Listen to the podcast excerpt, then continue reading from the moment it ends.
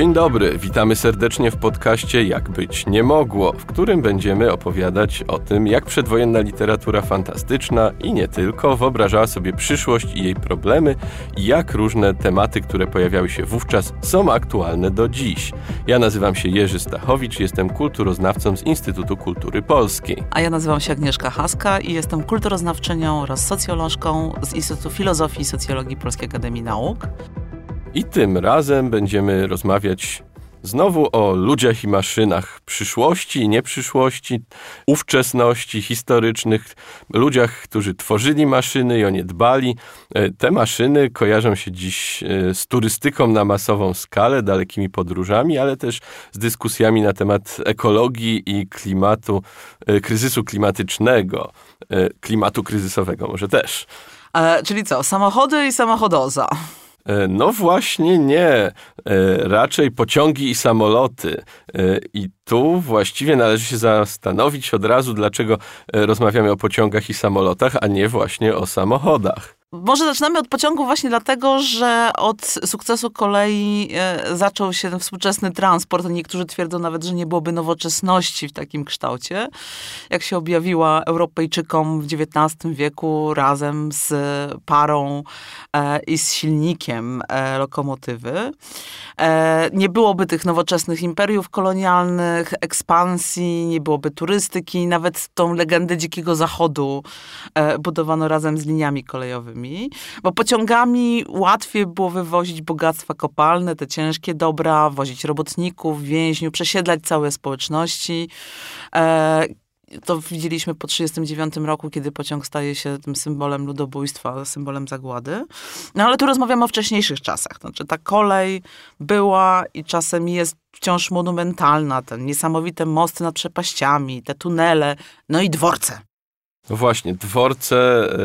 Y sama nazwa dworzec, tak, odwołuje nas, e, odnosi nas do, do dworu, tak, mamy ten niemiecki Bahnhof, tak, który jest tym pałacem nowoczesności, tak, zresztą wystarczy sobie przypomnieć, czy pójść na jakieś stare dworce, żeby zobaczyć, jak one były piękne, monumentalne, wielkie, e, niczym katedry, tak, katedrą nowoczesności w pewnym momencie stał się dworzec kolejowy. To odwołanie do katedr nie jest tutaj chyba przypadkowe, bo e, katedry Y, były dostępne dla każdego. Tak? Ta średniowieczność katedr i tą monumentalność architektury średniowiecznej mógł też ten, kto nie miał pieniędzy zobaczyć. To samo było z koleją. Tak? Kolej była y, super e, elegancka, nowoczesna, ale też dostępna e, dla tych, których stać było na jakiś najtańszy bilet, albo chociaż, żeby wejść na ten dworzec. E, pociągi pobudzały wyobraźnię o triumfie maszyny i człowieka nad naturą, a samoloty pobudzały wyobraźnię później jeszcze bardziej, bo to jest ta jakość, to oderwanie się od ziemi w ogóle maszyną, zwłaszcza cięższą od powietrza, to jest taki wyraz potęgi, wielkości, więc mamy ten kształtujący się archetyp pilota jako herosa. E, wiemy, co się stało z Ikarem w mitologii, bo został ukarany przez bogów, no ale tutaj wreszcie ta klątwa Ikara zostaje przezwyciężona. E, no i tutaj znowu się pojawia to, dlaczego samochód nie jest taki niesamowity, no bo w fantastyce on był tak naprawdę półśrodkiem, bo samochody nie miały tej monumentalności kolejowej, a jednocześnie nie były tak radykalne jak samoloty. No chociaż były, były radykalne samochody, na przykład w nazistowskich Niemczech, tak, próbowano robić radykalne samochody. E, dla mnie takim idealnym przykładem radykalnego samochodu jest Mercedes-Benz e, W125 Rekordwagen z 1937 roku, który wyglądał właśnie jak jakiś taki z przyszłości, tylko nie latał, tak, ale właśnie e, rzeczywiście to, czym miał być samochód, samochód miał być tym ogniwem pośrednim, tak, między, między między e, lataniem, e, no właśnie, a koleją. Gdzieś, gdzieś ten samochód, jest dużo samochodów przyszłości, ale nie bardzo na przykład w polskiej literaturze do, fantastycznej, tak, czy w polskiej, e, do której jednak się tutaj odnosimy, tak. Sam, samo, samochód musiał polecieć w górę, żeby stać się maszyną przyszłości. Tak, ale wróćmy do początku, czyli wróćmy do kolei, bo mówiliśmy o tym, tej wzniosłości dworców, wiaduktów, o tej mocy parowozów, ale tak kolej była pełna paradoksów. To znaczy zawsze się pokazywała taka mroczna twarz techniki. E, ten brud, smar, trud kolejarza, ta stalowa technologia, która się mieszała z dzikością przyrody. E, I ta kolej, która budziła lęk. No właśnie, ja, ja, ja tu bym ci przerwał i od razu y, y, wszedł z takim, y, no jak to kulturoznawcy mają, y, gdzieś y, zastanowił się w ogóle nad tą grozą i technologią, tak? Bo kolej też fajnie to pokazuje, że no właśnie, bo będziemy mówić o grozie kolejowej i tutaj sama groza niesamowitość. Jest gdzieś blisko fantastyki naukowej, tak, o czym się też często zapomina, tak, znaczy dzisiaj się myśli o horrorze jako czymś, co odsyła właśnie do czegoś takiego pozanaukowego, tak, literatura grozy i tak dalej. My mamy właściwie, y, właściwie nowoczesna groza pojawia się w momencie, y, w tym samym momencie, kiedy się pojawia fantastyka naukowa, tak, jeśli szukać jakichś początków, mamy Frankensteina Mary Shelley, tak, który jest i fantastyką naukową i, y, i gdzieś takim źródłem tej nowoczesnej powieści gotyckiej, grozy i tak dalej. I tak samo y, jak spojrzymy na kolej, to kolej jest jednocześnie tą rewolucyjną, nowoczesną techniką, tak, i czymś, co budzi w nas jakiś lęk, właśnie nawet chociażby przez tą wzniosłość. Tak, ten lęk, bo- ta- ta kolej budziła we współczesnych yy, i tu przykładem może być Kraszewski. To nie jest oczywiście pisarz fantastyczny, ale Kraszewski, który yy, pisał o swoich przeżyciach kolejowych, kiedy e, wsiadł do pociągu i e, bardzo to przeżywał. E, bo pisał ściśnięty w wagonie, zanumerowany jako rzecz, którą z miejsca na miejsce mniej więcej całą przewieźć się obowiązano. Jedzie król stworzenia zdegradowany do roli tłumoka, ledwie śmiejąc spojrzeć przez okno. Jest to już nie podróż, lecz proste przenoszenie się z miejsca na miejsce, które w przyszłości powinno być ulepszone za pomocą chloroformu. Ludzie będą usypiać, administracja kolejna ładuje nimi wozy, a wedle kartek poprzylepianych na czole konduktorowi wydawać ich będą po stacjach. No właśnie, kolej, ale tutaj też mamy y, ciekawe wyobrażenie kolei, tak? Kolej, która y, jest y, czymś tak niesamowicie szybkim, nowoczesnym i dziwnym, że no właśnie jest za szybka i za nowoczesna, żeby podziwiać na przykład widoki, tak? Dzisiaj, kiedy jeździmy koleją, zwłaszcza w takich trasach, jakich, na jakich jeździł Kraszewski, tak? To możemy sobie pomyśleć o tym, że wow, oglądałbym widoki, a dla niego to było takie szybkie, e, nowoczesne, że właściwie nic nie widać, bo ten pociąg pędzi, tak, te 45 na godzinę. E, Zresztą ta groza kolejowa e, powstała dzięki e, Charlesowi Dickensowi. To już jak chcemy mówić o, znanych autorach i ich kolejowych podróżach, ponieważ Dickens w 1866 roku popełnia takie opowiadanie The Signal Man. E, To opowiadanie zresztą było inspirowane wypadkiem kolejowym. Wypadki kolejowe to było coś, co się dosyć często wtedy zdarzało. E, I pięć lat przed napisaniem tego opowiadania w tunelu Clayton e, błąd dróżnika doprowadzi do zderzenia pociągu, śmierci 23 osób. E, Zresztą Dickens w ogóle miał na koncie też sam katastrofę kolejową, bo on jechał w pewnym momencie pociągiem do Londynu. Ten pociąg się wykoleił, częściowo spadł z wiaduktu. E, pisarz wyszedł z wagonu, pomagał rannym i umierającym i to wydarzenie tak nim wstrząsnęło, że do, do śmierci już nie jeździł pociągami. No ale napisał to opowiadanie Signal Man i to jest opowiadanie o dróżniku pilnującym tu- tunelu, którego prześladuje duch zwiastujący nadcho- nadchodzące nieszczęście. On za pierwszym razem słyszy głos z tunelu, widzi postać zakrywającą twarz i machającą do niego. Oczywiście jak podchodzi, to duch rozpływa się w powietrzu, a kilka godzin później dochodzi do wypadku.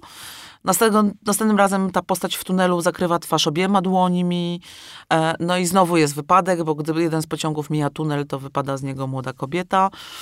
E, no i wreszcie ten dróżnik coraz częściej widzi postać, widzi dzwonki alarmowe, wie, że oznacza to nieszczęście, no ale nic nie jest w stanie zrobić oprócz dobrego wykonywania swojej pracy. E, No i ono się kończy tak, że pewnego dnia właśnie ten dróżnik zostaje znaleziony na torach, e, potrącony przez pociąg. No właśnie, tutaj e, można powiedzieć, że to jest taki początek e, literatury kolejowej, tak? To znaczy można, można mówić e, o literaturze kolejowej i fantastyce, czyli o tych e, historiach, w których pojawia się kolej jako temat, tak? Pociąg, ludzie jadący pociągiem.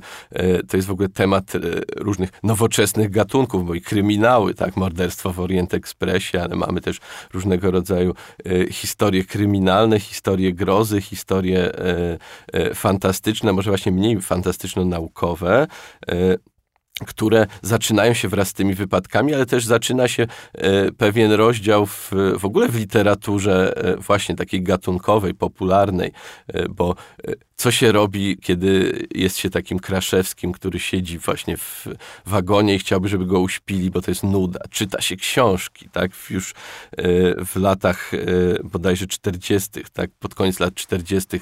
E, w Wielkiej Brytanii otwierają się pierwsze księgarnie na dworcach kolejowych i zaczyna się być sprzedawana literatura kolejowa, która jest wystarczająco prosta i nie za długa, żeby można było ją czytać w pociągu. Właśnie kiedy się jedzie te kilka godzin, żeby można było się czymś zająć, ale e, odchodzę trochę od tematu, a e, mówiliśmy o katastrofach i mówiliśmy o e, grozie.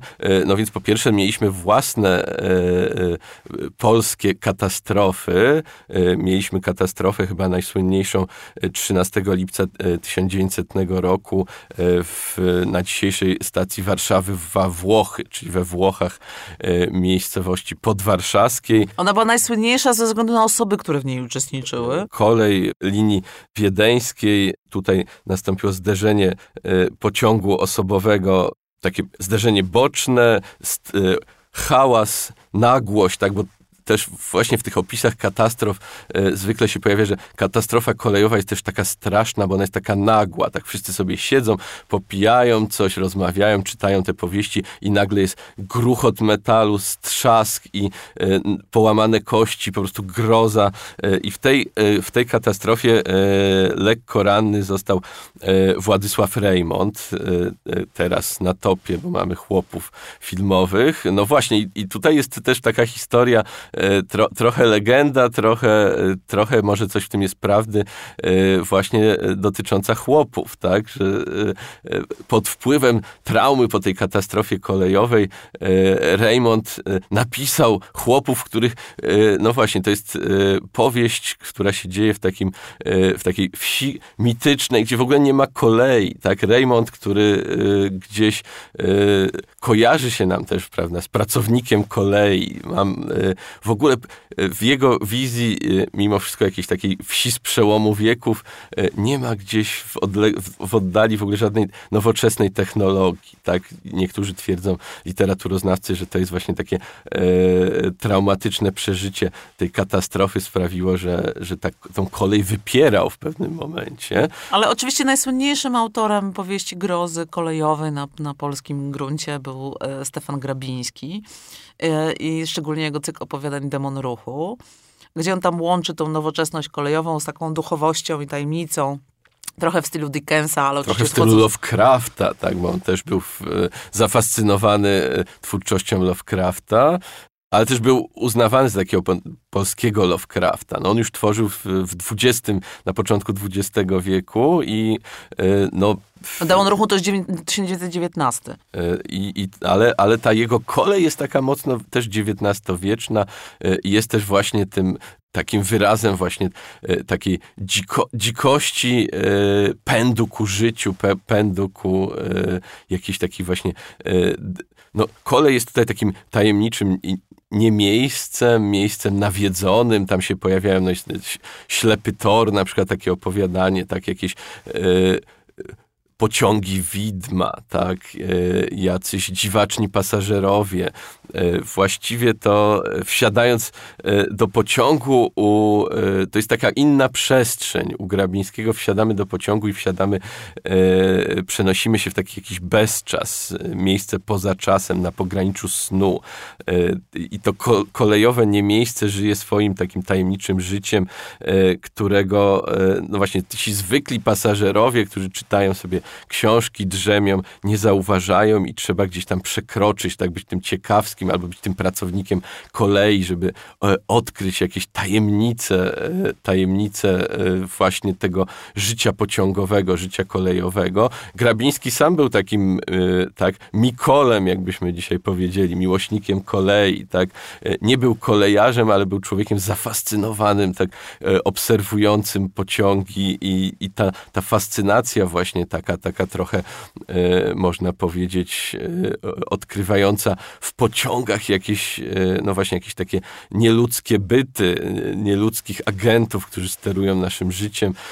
To, to było u Grabińskiego niesamowite i rzeczywiście on jest chyba dzisiaj najbardziej znanym w ogóle autorem gdzieś tam właśnie z tej pierwszej połowy XX wieku autorem opowiadań grozy, nie tylko zresztą kolejowych, ale te kolejowe są tutaj chyba najważniejsze. On, on, zresztą też to jest ciekawe, bo Grabiński łączył grozę z elementami fantastycznymi w opowiadaniu Dziwna Stacja. On opisuje taki pociąg e, Infernal Mediterranean e, numer dwa, ten piekielny śródziemnomorski. Y, i ten pociąg z taką zawrotną chyżością 300 km na godzinę okrąża Morze Śródziemne. Y, on jest poruszany prądem elektromagnetycznym o olbrzymim napięciu. Y, tam jest, w, że w cieśninach w Bosfor i Gibraltarskiej zbudowano te olbrzymie mosty zwodzone i ten pociąg sunie tymi mostami zwodzonymi, no ale Grabiński nie byłbym Grabińskim, gdyby tam nie wrzucił też takiego wątku grozy, niewytłumaczalności, tajemnicy, bo w pewnym momencie ten pociąg przyszłości staje na tajemniczej stacji i znika w ogóle. No właśnie, to zawsze, zawsze jest, nawet pociąg przyszłości jest pociągiem e, e, gdzieś w ten bezczas kolejowy, tak, do, do, tej, do, tej, e, no, do takiego uniwersum kolejowej grozy, Myślę, że y, moglibyśmy dużo jeszcze rozmawiać o, o kolejach, też tak. o kolejach przyszłości. Technologią przyszłości były samoloty, jak już powiedzieliśmy. E, I te właśnie wizje przyszłości, to oprócz tego, że były to wizje e, tuneli pod Atlantykiem i tam śmigających pociągów, no ale przede wszystkim no e, Lux torpedy. Lux torpedy, tak, ale szybko po I wojnie światowej pociąg zastąpił samolot. Tak? I ta wizja przyszłości to była przede wszystkim wizja no właśnie podboju przestworzy, znaczy latające miasta, sterowce, bitwy powietrzne, e, samoloty albo latające samochody w każdym domu e, i tak dalej. To, to się to pojawia, pojawia się dosyć szybko i, i długo trwa. I są tutaj e, tak w, miasta pełne, pełne samolotów o tych, i maszyn latających, tak? I w ogóle e, można, e, tutaj można od razu e, zauważyć, że były różne w zależności tak, od, od czasów, bo chyba moim zdaniem najwięcej literatury, literatury fantastycznej, literatury fantastycznej lotniczej. Ja uważam, że można mówić w ogóle o oddzielnym takim gatunku, czy podgatunku lotni- literatury awiacyjnej.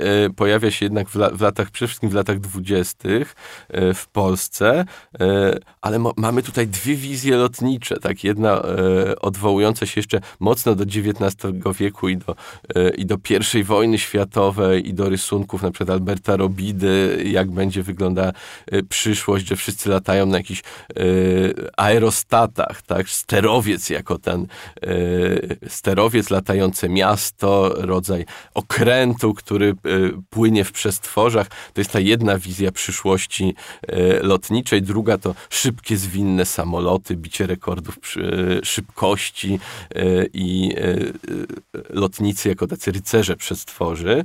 Mamy tu oczywiście różnego rodzaju fragmenty, jak miały wyglądać te, te przyszłe lotniska. I... One przede wszystkim były na dachach wieżowców, to znaczy w Marczyński Antoni w roku 47, to znaczy rok 47 to jest tytuł, to, to nie jest data wydania, e, pisał, że e, właśnie to nowoczesne miasto e, z nowoczesnym e, wieżowcem najwyższym, drapaczem chmur, który liczy 103 piętra i na dachu mieści się lotnisko linii trzech gwiazd.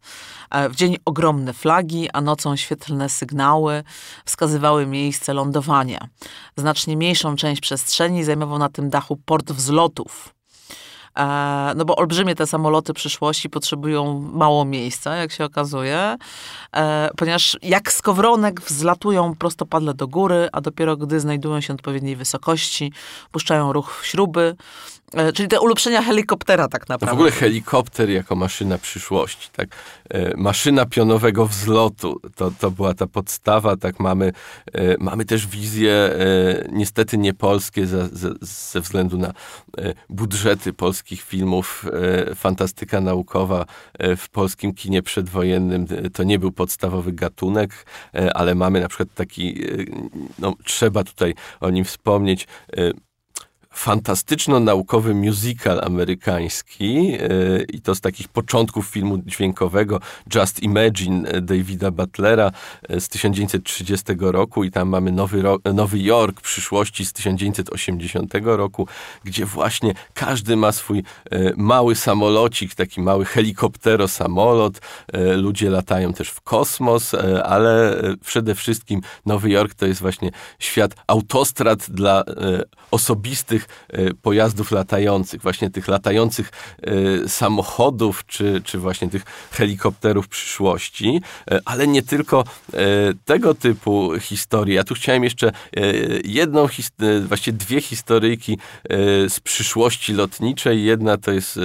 wspomnieć, ona się tu pojawiała, to jest oczywiście szalony lotnik Kazimierza Czyżowskiego i I mamy tutaj e, historię właśnie astroterów, e, czyli miast, które się unoszą nad ziemią, ale mamy też taką powieść zapomnianą, którą odnaleźliśmy kiedyś, zupełnie zapomnianą. Tak, bo to jest taki motyw, po, po, czym poznać, że się znalazło zupełnie zapomnianą powieść, a po tym, że w egzemplarzu bibliotecznym od 80 lat nikt nie przeciął stron, żeby ją przeczytać.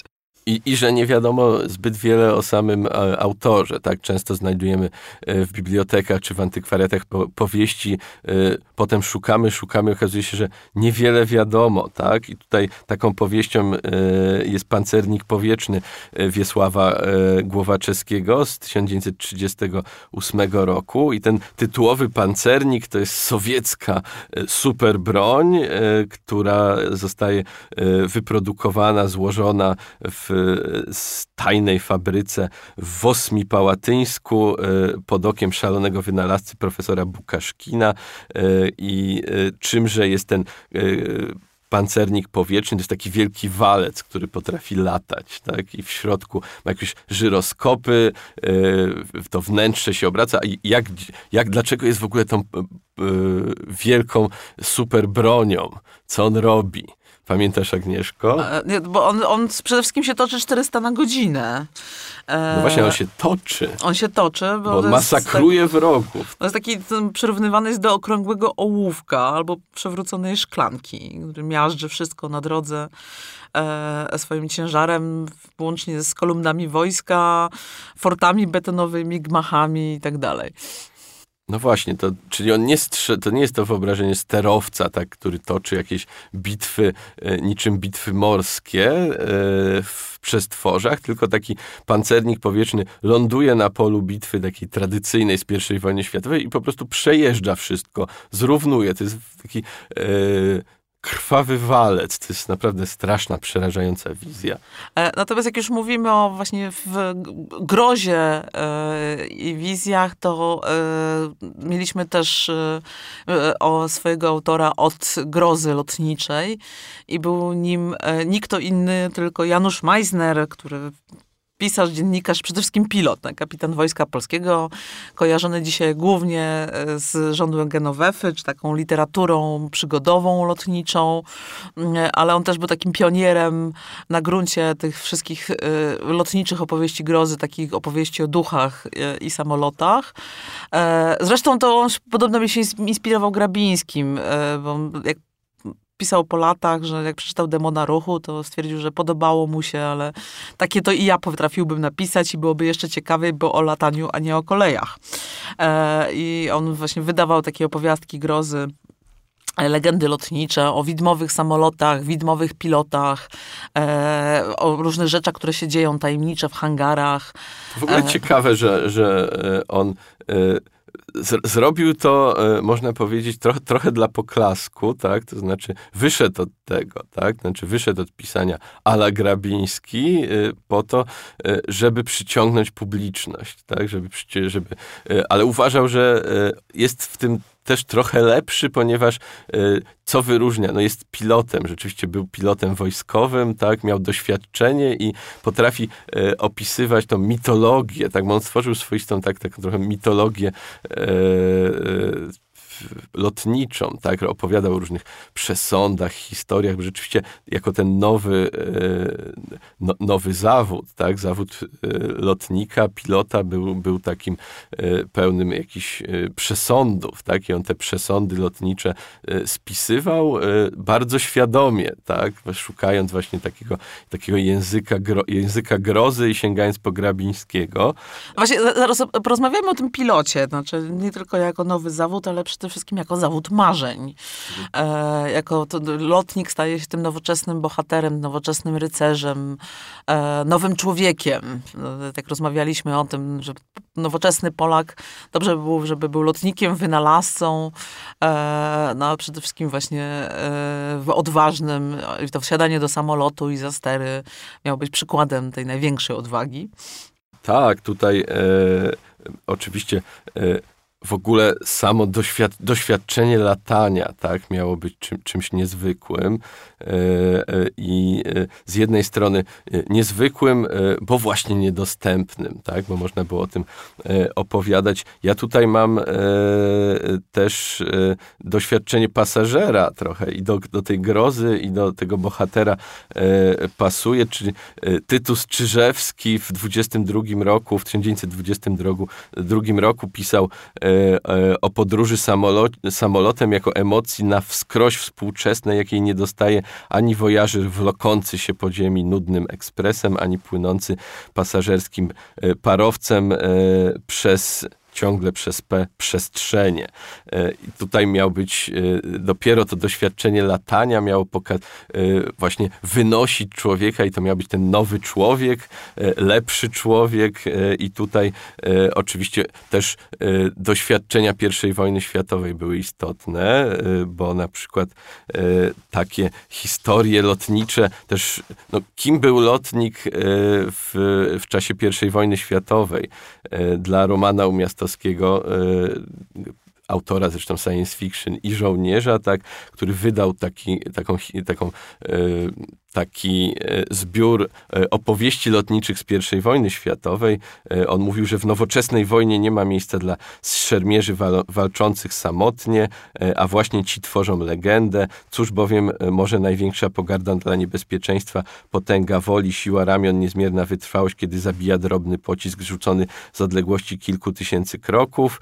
No i właśnie w rowach strzeleckich milionowe rzesze są zduszone, nic nie mogą, e, no ale właśnie na polach Wielkiej Wojny znalazła się również arena dla żołnierzy walczących w pojedynkę czy samowtór e, i, że na, i na tej arenie oni zdobyli e, sławę i kto był, to oczywiście byli, to byli piloci, tak, i ci piloci byli takimi ostatnimi rycerzami też, tak, ułanami i te historie lotników, którzy byli super, jakimiś super bohaterami, tak, czy bohaterami masowej wyobraźni, to często się wpisywały właśnie w ten schemat, że to jednocześnie jest człowiek nowoczesny, tak, przekraczający bariery właśnie techniczne, jest tym pilotem, e, ale też mechanikiem, a z drugiej strony jest byłym ułanem, tak, mamy takiego, e, takiego bohatera, e, jakim jest Bolesław Orliński, jeden z, zresztą tutaj samo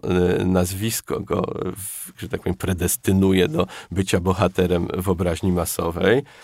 Tak, bo Oliński e, po swoim locie e, Warszawa, Tokio, Warszawa, e, to był lot w 26 roku, on stał się takim bohaterem relacji prasowych, o tym, że polski orzeł wrócił do rodzinnego gniazda, po 25 dniach tytanicznego zmagania się z przestrzenią, rzucany wichrem i huraganami, smagany deszczem, oślepiany mgłą, przedarł się przez bezkresne przestrzenie nadazjatyckie, aby ogrzać się w cieple serc tych, co przez miesiąc cały śledzili jego losy gigantycznego lotu. I to jest cytat, uwaga, uwaga, z przeglądu sportowego. Polska szkoła e, prawda, dziennikarstwa sportowego zawsze była pełna e, takiego rozbudowanego, soczy, soczystego języka, pełnego metafor. No tak, ale Orliński oczywiście to w tej chwili, w tej chwili e, chociaż poświęcono mu wiersze, tam Julian Przyboś napisał wiersz od Orlińskiego, no jakby wyczyn Orlińskiego został przykryty bardzo szybko przez wyczyny Żwirko i Wigury. Ale ja bym tutaj jeszcze został przy Orlińskim, bo Orliński jest takim świetnym przykładem, bo on jeszcze wystąpił w filmie fabularnym, tak? W filmie fabularnym e, Nomen Omen Orle z 1927 roku, gdzie zagrał właśnie e, lotnika, więc był rzeczywiście taką wielką gwiazdą, tak, jeszcze był wcześniej ułanem, tak, i bohaterem y, wojny z bolszewikami, więc ta jego biografia była taką idealną biografią y, lotnika, tak, od ułana do pilota oblatywacza, który stawia czoła największym niebezpieczeństwom nowoczesnej techniki. No tak, ale w, w Żwirko i Wigura, czyli ci bohaterowie, których teraz kojarzymy, E, ze względu na ich lot maszyną e, RWD-6 z 1932 roku e, i w wygraniu Challenge w Berlinie, no to tutaj jest taki idealny duet, bo mamy oficera, mamy lotnika, mamy porucznika, czyli Franciszka Żwirkę i mamy inżyniera Wigurę, którzy tam przekraczają jako pierwsi linię mety w Berlinie w próbie prędkości e, i szybko zostają obwołani bohaterami narodowymi. No, oczywiście ten mit Żwirki i Wigury dodatkowo podkreślany jest przy ich, ich tragiczną śmierć e, wkrótce później, e, gdzie ci rycerze przestworze, jak ich nazywano, jak dwa młode orły zginęli śmiercią nocników. E, natomiast e, te wszystkie dokonania e, polskich lotników, no to jest ta próba budowania tej nowoczesnej Polski, Polski lotniczej, E, też pamiętajmy o tym, że e, Liga Obrony Powietrznej Przeciwgazowej, oprócz Ligi Morskiej Kolonialnej, była jedna z najpotężniejszych organizacji, która miała tak kreować ten wizerunek Polski, kształtować Polaków przyszłości, znaczy właśnie Polaków, lotników. No właśnie, ja, ja sobie nawet ukułem taką, e, taki termin jak Rzeczpospolita Lotnicza albo Rzeczpospolita Podobłoczna, tak? bo to wyobrażenie e, nowej Polski, tak, e, tej Polski mocarstwowej, Polski nowoczesnej było właśnie wyobrażeniem często Polski, e, która wychowuje nowego człowieka właśnie jako tego lotnika, mechanika i rzeczywiście pojawiały się tutaj różnego rodzaju odezwy, ale też cała polityka, tak, bo mamy tą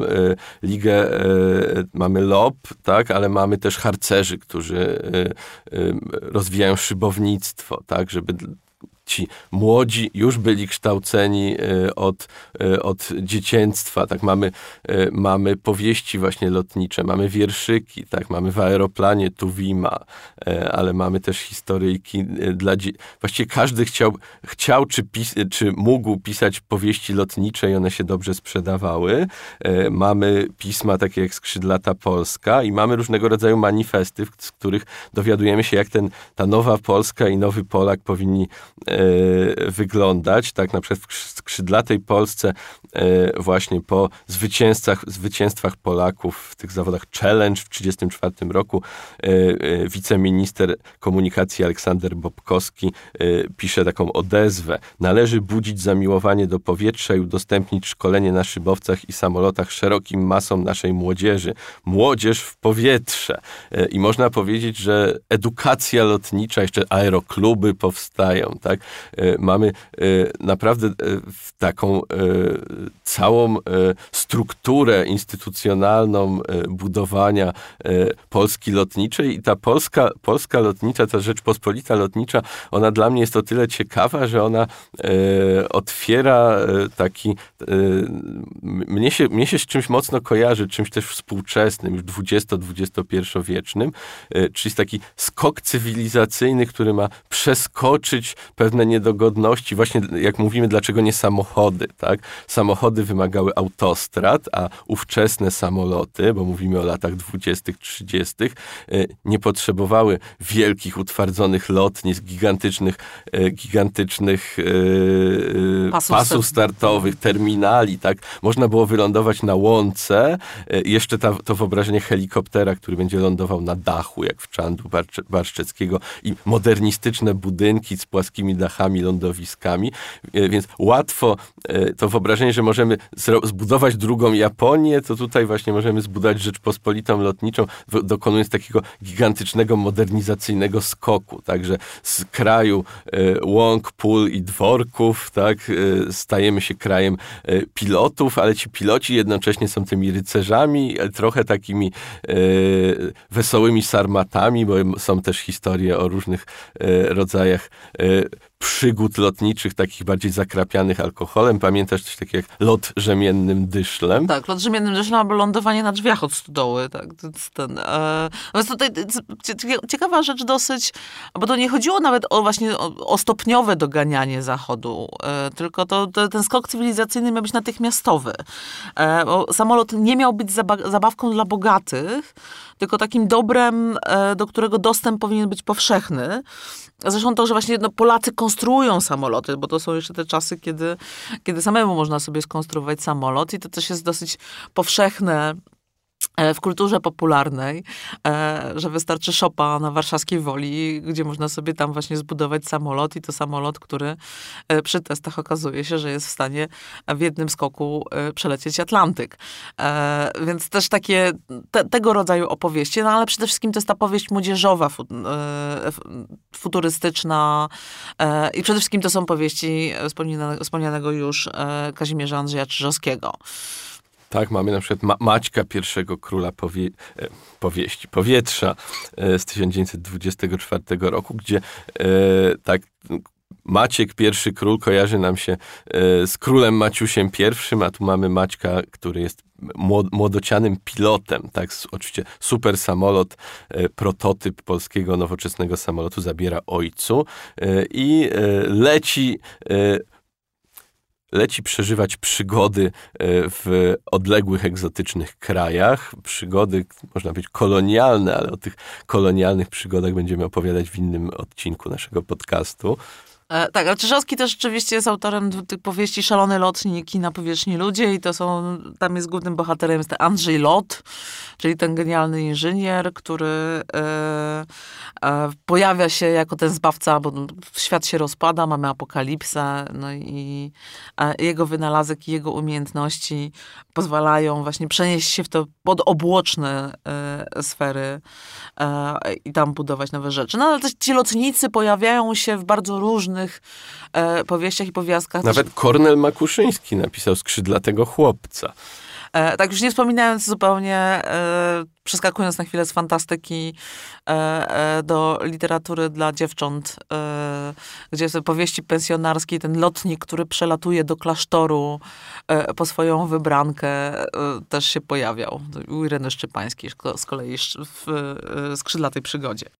Tak, tak. Ja, ja, ja tu bym jeszcze, jak mówimy już e, o lotnikach, o tym nagłym skoku, to jeszcze e, cywilizacyjnym, technologicznym, tak, to trochę takim, e, tak sam, samolot jako, e, tak, jako taki ówczesny iPhone, tak, miał, miał dokonać takiego super e, cywil, czy komputer, super cywilizacyjnego skoku, e, ale też to wyobrażenie, wyobrażenie lotnika też nas może odsyłać do, do różnych nowoczesnych konceptów. Trochę wyprzedzacz jest takim, e, taką prefiguracją, e, no właśnie, cyborga, bo e, lotnik, lotnik jako człowiek, który jest bardzo blisko ciałem z maszyną, tak? który, jest, który jest y, związany ze swoim samolotem, to się pojawia i w, po, w poezji e, awangardowej, i w różnego rodzaju opowiadaniach, tak? i oczywiście w samym micie o Ikarze, tak? jako skrzydła e, i stery, jako e, pewne rozszerzenia, tak? czy rozszerzenia cielesności lotnika. Lotnik jako taki człowiek-maszyna. Tak, to jest takie cielesne złączenie, jak e, e, pisał jeden z publicystów, człowieka z maszyną. To jest taki element kreacji, że dopiero w powietrzu, przez dźwignię, przez te cięgła, e, przez złączenie rękami nogami, spojenie w jedno, e, pilot staje się pilotem. E, ale też tutaj chciałam przejść, bo ciągle rozmawiamy o pilocie, a nie rozmawiamy o pilotkach. E, bo jest bardzo, bardzo interesujące, bo jak mówimy o tym powszechnym dostępie do lotnictwa i tej propagandzie lotniczej, e, no to lotnictwo też miało być e, takim elementem e, nie tylko awansu społecznego, ale emancypacji. No właśnie, to jest, to jest bardzo ciekawe, bo e, mówiliśmy, że i rzeczywiście fantastyka e, naukowa e, przed 1939 rokiem, a nawet do dzisiaj można powiedzieć, że w wielu wymiarach takie hard SF e, z, jest odbierane jako taka e, męsko-chłopięca literatura, e, a tutaj mamy i literaturę lotniczą dla kobiet, i bohaterki, tak? Znaczy, oczywiście mamy Amelię Earhart jako taką światową, bo tutaj ja bym jeszcze zaznaczył, zobaczył, że, y, że to było y, to ta fascynacja lotnictwem to oczywiście nie była taka super polska sprawa, tak? To znaczy, że my mamy mieć Rzeczpospolitą lotniczą, a inni nie chcą mieć. Też chcieli, tak? To znaczy, to, chcieli nawet bardziej. fascynacja lotnictwem była taki, miała taki zasięg ogólnoświatowy i e, Amerykanie też szaleli, tak? Na punkcie Charlesa Lindberga, który e, przeleciał przez Atlantyk bez lądowania i e, bez międzylądowania. E, no i właśnie Amelię Earhart, e, ale my mieliśmy e, nie, swoich Y, bohaterów, ale też swoje bohaterki. Niektóre były bardzo y, nietypowe, y, bo moją ulubioną jest Maria Wardasówna, znana też pod pseudonimem Maryśka ze Śląska. Właściwie to jest tytuł jej, jej powieści lotniczej, która jest trochę taka autobiograficzna. E, tak, znaczy to... E Maria Wardasówna, ona się urodziła w 1907 roku na Śląsku e, w okolicach Bielska e, w niezamożnej, wielodzietnej rodzinie i oczywiście miała zrobić karierę taką, że miała pojechać do wielkiego miasta i pracować tam jako służąca. E, no ale odkryła w sobie taką, jak sama o tym pisała, pasję do nauki pisania i smykałkę do techniki, zwłaszcza do szybkich maszyn. No i udało jej się przekonać rodzinę do zgody na dalszą naukę. E, tutaj też popularny, znajomość z Gustawem Morcinkiem, który był jej polonistą, e, dała dużo rezultatów.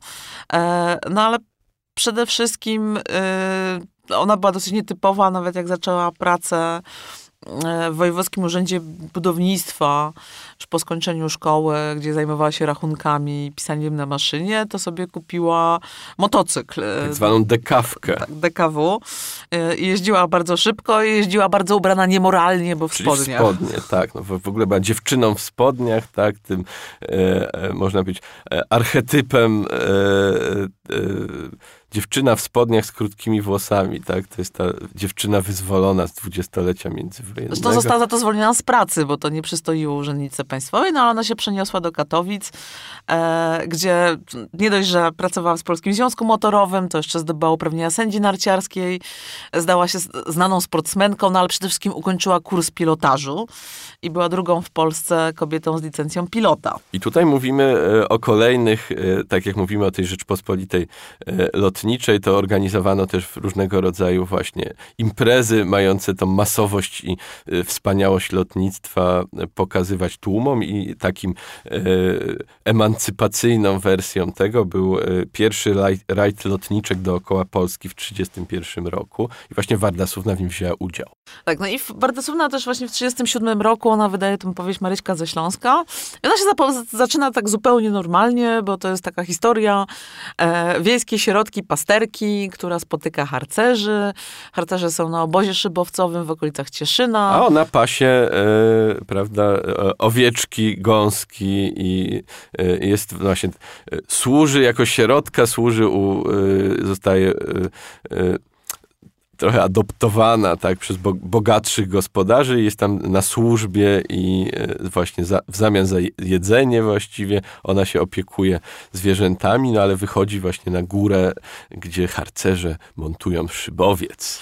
No i ona wsiada do tego szybowca, e, samotny lot. Jest tam nawet scena pożyczania spodni, tak, bo musi jakoś pewnym momencie właśnie w tym y, szybowcu się odnaleźć, pilotować go, no ale jako wiejska dziewczyna nie ma czegoś takiego jak spodnie. E, no i jak wsiada i leci w Tatry, to w górze okazuje się, że wszystko się zmienia, bo e, chmury są niczym złe i dobre istoty, e, ptaki stają się trudne do odróżnienia i ona się przenosi do magicznego świata. No wydaje się już, że nie będzie powrotu na Ziemię, czyli lot skończy się katastrofą, szybowiec się rozbije, no ale tu się dzieje coś niesamowitego. No właśnie, nagle e, spotyka, e, pojawia, się, pojawia się samolot, tak? Ona leci zagubiona i widzi e, nad, z oddali nadlatujący samo, samolot, który sunął bezszelestnie, choć widać było, że motor pracuje na gazie i płaty śmigła mielą powietrze. Jego kadłub i skrzydła były przezroczyste, jakby z cienkiego szkła zrobione. No ale to nie było odwołanie do szklanych domów, tylko to był samolot widmo. Wewnątrz siedziało dwóch pilotów, tak jak kadłub przezroczystych. Mimo to Maryśka poznała ich od razu, ich podobizny z gazet. Żwirko i Wigura wyszeptała z bielałymi wargami. I właśnie opiekunami młodych lotniczek e, okazali się e, nieżyjący, ale wciąż właśnie sprawujący pieczę nad e, nowym pokoleniem lotników, bohaterowie awiacyjni Żwirko i Wigura, którzy doprowadzają E, Maryśkę do szczęśliwego lądowania w Dolinie Morskiego Oka. E, tak, jeszcze do tego da, dają jej dobre rady.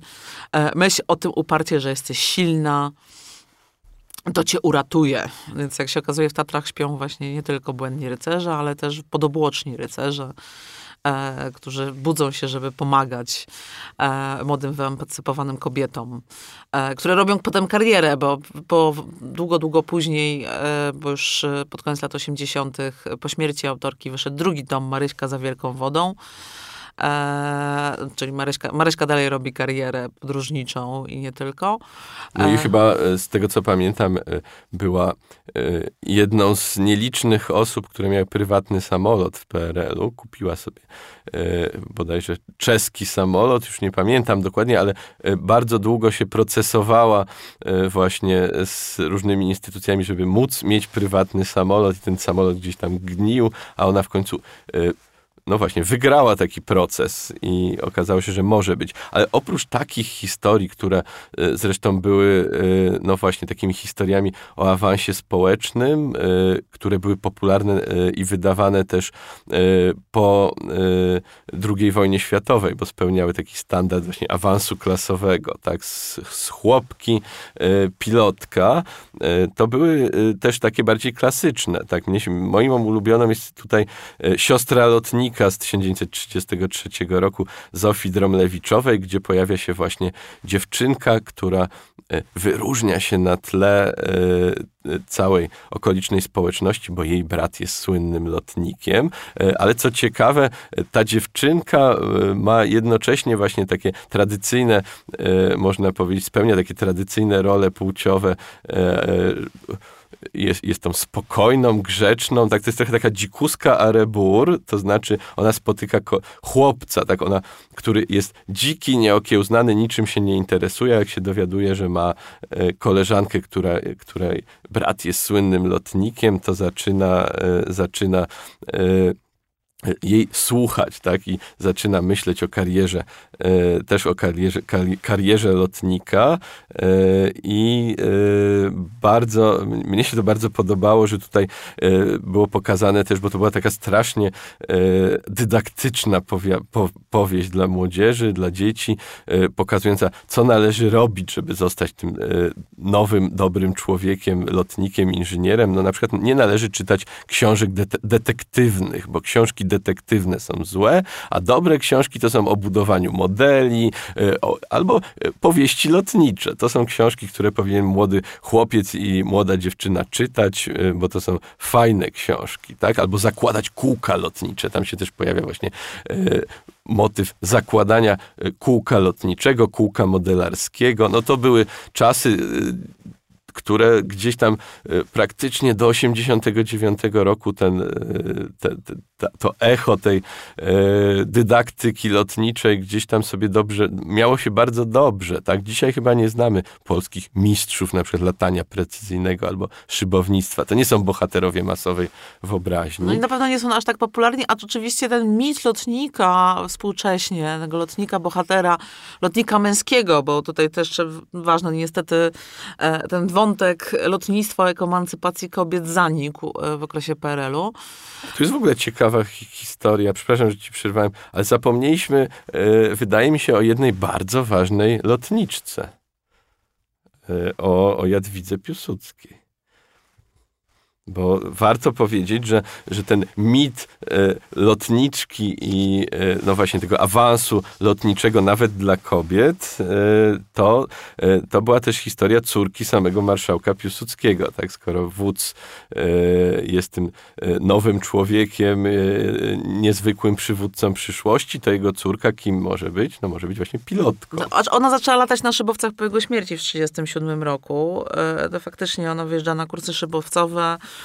E, i latała w aeroklubie warszawskim. E, I też latała na e, na innych szybowcach. Zresztą w czasie II wojny światowej ona została przyjęta w Anglii do pomocniczej lotniczej służby kobiet. Jako zresztą jedna z niewielu kobiet z Polski. Tam dwie panie porucznik, które też zostały przyjęte do tej pomocniczej lotniczej służby kobiet.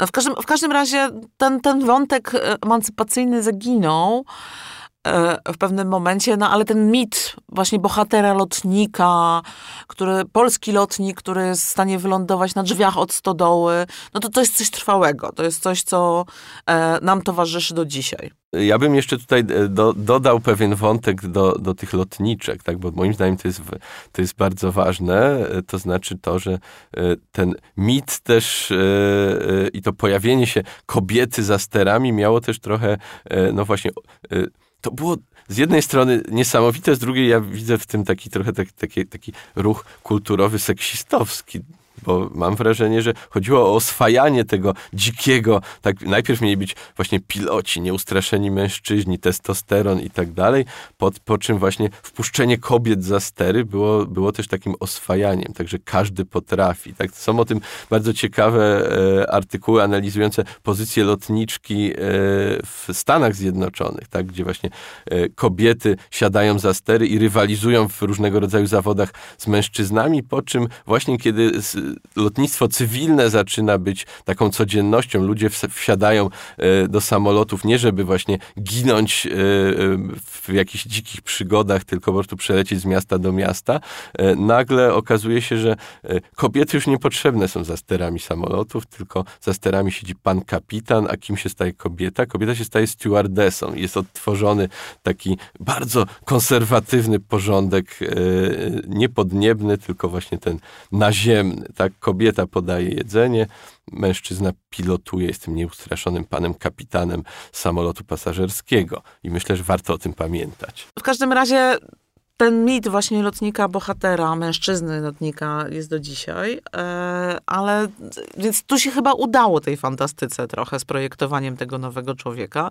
Co prawda samolot e, nie stał się powszechnie dostępny e, jako coś, co do, każdy może wsiąść, no bo ciągle nie doczekaliśmy się tych latających samochodów, ale może za chwilę. No ale też z drugiej strony rozwój lotnictwa.